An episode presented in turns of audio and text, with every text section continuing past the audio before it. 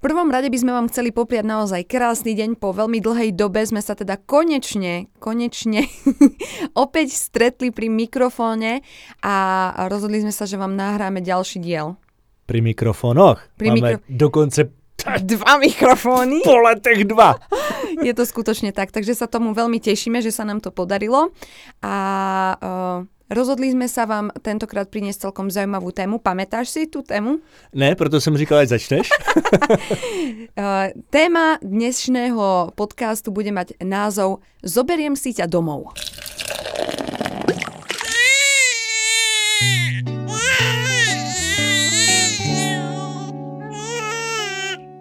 Myslíš takovou tu tradiční hlášku, kdy prostě úplně random člověk na ulici nebo na dětském hřišti, mm-hmm. když to dítě neposlouchá, tak řekne, no pojď, já si tě teda vezmu domů. Áno, presne tak. Túto tému uh, by som veľmi rada rozobrala, pretože som sa s ňou uh, stretla v posledných asi troch dňoch. Nebuď slušná, řekni jméno, kdo ti to, ti to řekl. No to právě na-. Jo, a byl to cizí člověk. Boli to úplne cudzí ľudia. Úplne cudzí ľudia. A tak ma to donútilo sa akože nad tým fakt ako zamyslieť, že prečo, keď uh, si v nejakej situácii, sa k tebe zrazu pristaví úplne cudzí človek. Starší chlap, obaja to boli chlapi teda podotýkam, uh-huh. starší muži, ja neviem, podľa mňa okolo 60 a fakt mali tú potrebu sa zastaviť a povedať, no ale ja si te vemu domu. Ja si te fakt vemu domu.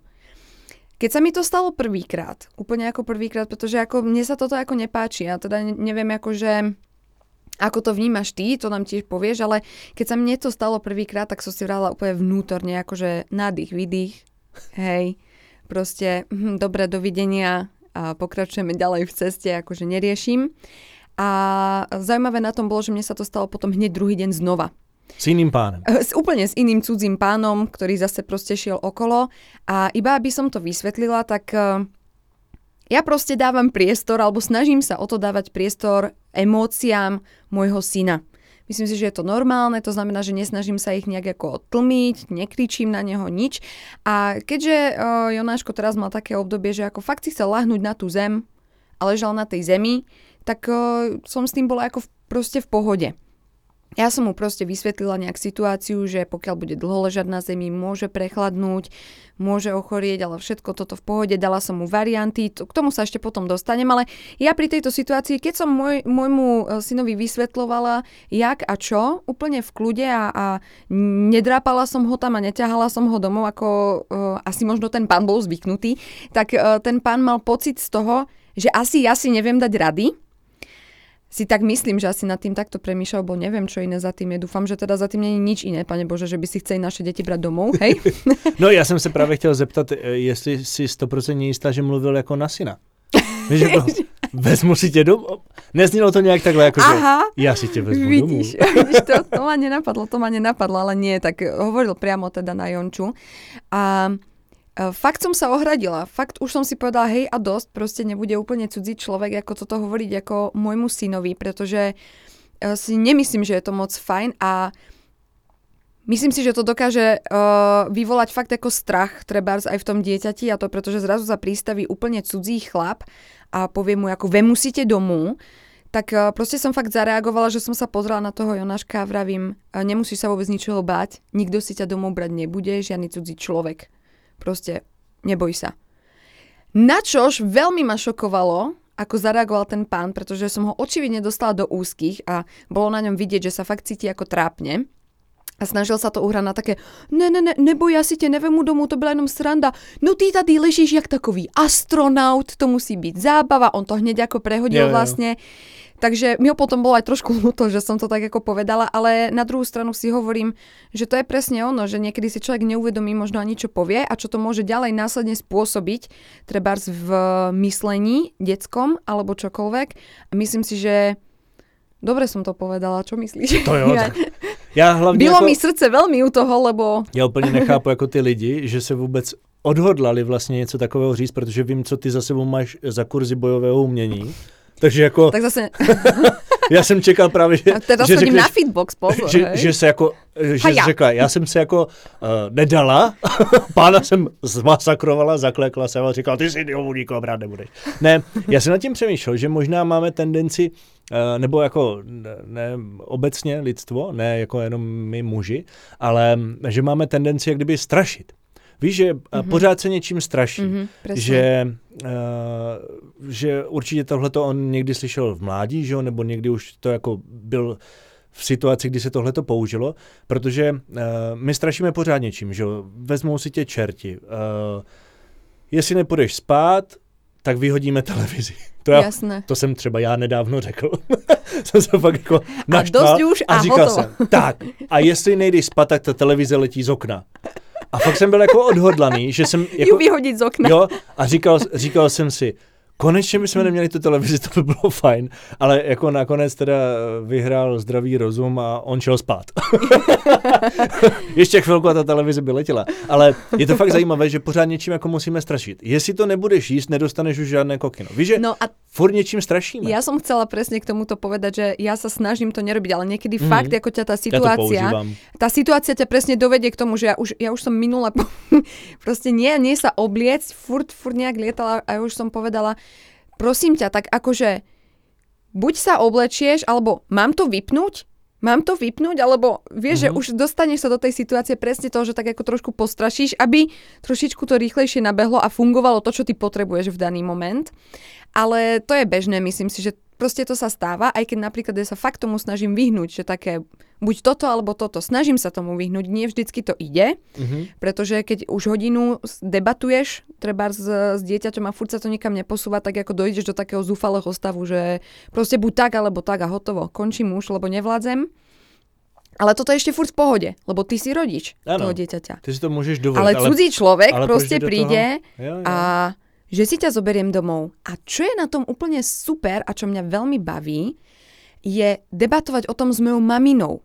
Pretože mamina je presne vlastne ten uh, ročník, kde to takto bolo mhm. bežné mm-hmm. a takto to fungovalo.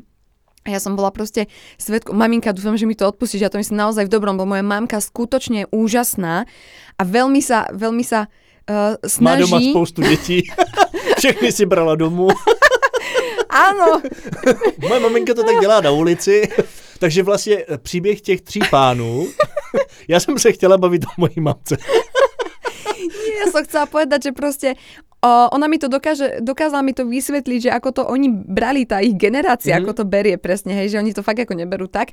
Ale ja sa jej zase snažím vysvetliť, že čo všetko za tým môže byť, čo všetko môžeš nechcene takouto jednou vetou spôsobiť treba v, v hlave toho dieťaťa, jo, jo. hej. A presne sa mi to stalo raz, a to už je už mamka si na to dá pozor, už to nerobí, ale takisto si chcela nejaké dieťa zobrať domov, hej, úplne cudzie. A boli sme spolu niekde na prechádzke a presne nejaká maminka ďalšia tam uh, v úvodzovkách zápasila so svojím dieťatkom, ktoré plakalo a nechcelo ísť a niečo. A tá mamka v kľude, presne tak, jak máme byť vtedy. Mm-hmm Máme byť v kľude, máme dať priestor emóciám a máme proste to dieťatko e, byť prítomný pri ňom, ale do ničoho nenútiť. Hej, a, a moja mamina, no ale že si ťa zoberiem domov? Mm-hmm. No, že si ťa aj zoberiem domov, keď ty maminku nebudeš, vieš. A, a, ja, a ja, mami, mami, ja som mňa až sme sa o tom bavili. Mňa opotilo, ale nie, tak som sa jej to snažila presne vysvetliť. Ale uh, keď sa mi stali, teraz nedávno to bolo, že sa mi stali tieto situácie s tými pánmi, tak som jej volala vraj, mami, presne toto sa mi stalo, vieš, že prečo vlastne uh, máš ako takú tú tendenciu. A mamina mi to vysvetlila, že to je proste v tom, že ten človek to robí s úmyslom ako pomôcť. Mm-hmm. Lebo on má pocit, že ty si v ako v nesnázích, ako sa povie, že ty si nevieš vlastne dať rady a, a tí starší ľudia ako majú tendenciu ti s tým nejako pomôcť. A ja, ja som sa snažila teraz ako povedať, že predstav si situáciu ty a kamarát, alebo my dvaja. Uh-huh. My dvaja sme na prechádzke. Áno, zavřel oči. A zatvor oči, predstav, sme na prechádzke, pohodičke, čilujeme si, ja ti poviem, že Ježiš, ja nevládzem, vieš čo, ja proste potrebujem chvíľu stať, nevládzem. Tak si tam sadnem, ty tam pri mne treba stojíš, čakáš, a okolo ide cudzí človek. A říkám ti pořád, poď už. Hej, veď poď, poď alebo... No tak poď. No poď, prosím ťa. Autobus, a ja ti hovorím, ja ti hovorím, lebo už viem rozprávať uh-huh. a viem, ja fakt nevládzem, prosím ťa, ako fakt nevládzem, už proste daj mi chvíľku, chcem si sadnúť proste chvíľa a pôjdem, nevládzem. A ide okolo cudzí človek. Řekne ti, ja si ťa vezmu domov. Prosím ťa, no že ja si ťa zoberiem domov a ty s ním nepôjdeš? Ty čo tu sedíš? Ale ja si ťa zoberiem domov a hýbaj. Okamžite hýbaj. To je, proste, ty to neurobíš. Ono je důležité jako přebírat ty věci jako uh, im, imaginovat, jak bys to řekla? Imag, imaginovat. Řeknem, řeknem to anglicky. Imaginovat. Si je do uh, právě dospělosti, protože spoustu těch věcí vlastně my umíme říct a to dítě to říct neumí. A Tak. jak si tam říkala, že musíme nechat průchod těm emocím, tak já teďka udělám cink. já jsem namluvil audioknihu, jmenuje se Terapie sebepoznáním, ona teďka jako nedávno vyšla. Mhm. A tam je tolik věcí, které se s námi táhnou od dětství. Presne, no. Tolik hrozně jako maličkostí, že někdo nám někdy něco řekl, nebo někdy nás někdo nenechal něco jako dodělat, třeba doskládat si nějakou jako Mhm, stavebnici. mhm. Takže to se v nás tak hrozně zapisuje. A o tom je tam hrozně moc jako povídání. Cink. To je krásne. Na tú knižku by som sa určite veľmi rada Počkej, pozrela. tak já to ještě ocinkám. No, Poď. cink. A ako sa volá? Terapie sebepoznání. Super Cink. cink. Máte to tam, takže FIA doporučuje, tak ja sa na to veľmi rada pozriem, lebo sa veľmi rada zaujímam o, tieto veci, úplne moc. A už som aj na veľa vecí ako prišla uh, z detstva, ale nemyslím to zle. Ja milujem mojich rodičov, vychovávali ma úplne skvelo. Ono sa to totiž nemusí týkať ani rodičov, ono sa to môže týkať presne takto cudzích ľudí, ktorí prídu, niečo vám povedia, môže sa to týkať e, ľudí zo školstva, kamarátov, môže sa to týkať úplne vlastne všetci nás ovplyvňujú nejakým Mhm. spôsobom a stačí veľmi málo, veľmi málo e, na to, aby, aby to vo vás vyvolalo nejaké trauma a aby ste uh, potom, napríklad ja som hrozne dlho, dlho mala pocit neschopnosti, že som ako neschopná. Vlastne vôbec som si neverila v ničom. A tým, že som sa uh, začala na tom pracovať, začala som sa zaujímať o uh, rešpektujúcu výchovu, o traumata a začala som chodiť k psychologičke, s ktorou sme sa vracali do detstva, tak ja som zistila, že vlastne ten plot takej tej neschopnosti bol zasiatý od úplne cudzieho človeka, od nejakej pani klavíristky na mojich záverečných skúškach Mhm. kedy vlastne ja som 7 rokov študovala klavír, mala som záverečné skúšky a nejaká cudzia pani, ktorá sedela v porote, vlastne mi tie skúšky nedala. A nedala mi ich preto, pretože mi vlastne povedala, že som nevhodne oblečená, že mám dlhé nechty a že si absolútne vôbec nevážim hudbu. A vo mne sa to treba zakorenilo Mhm. takým spôsobom, že som si vravela, že 7 rokov, každý deň, hodinu denne som hrávala Pořád jednu stupnici. Nie, sedm let, teda, sedm let jsem hrála jednu stupnici. Po, se- po sedmi letech mám přehrávky a ona mi to úplně zhodila. nie, ale teraz, e, vieš, akože... Já, já ti A, rozumím. a o, môj ockon, teda on fakt dbal na to a hraje a toto to, to, samozrejme Mhm. mm-hmm. tiež proste koľkokrát som sa aj dorevala, keď som hej, aj, aj to všetko v, proste vplýva na toho človeka, ale ja som mala hrozne pocit, že som sklamala, že som neschopná a pritom doma boli úplne s tým v pohode. Jo, jo. Tam sa nestalo nič také, že by kričali alebo niečo, no vôbec nie, vôbec proste o to vôbec nešlo. Tam šlo o to, jak ja som sa cítila. Tam šlo o to, že ja som mala pocit, že som vlastne zlyhala, že som to nezvládla, že som úplne neschopná. Pretože keď 7 rokov na niečom tvrdo pracuješ a jeden človek úplne cudzí ti povie, že si nevážiš hudbu a že to nedáš, ťa dokáže úplne vlastne, ja som má 15 rokov. Mhm.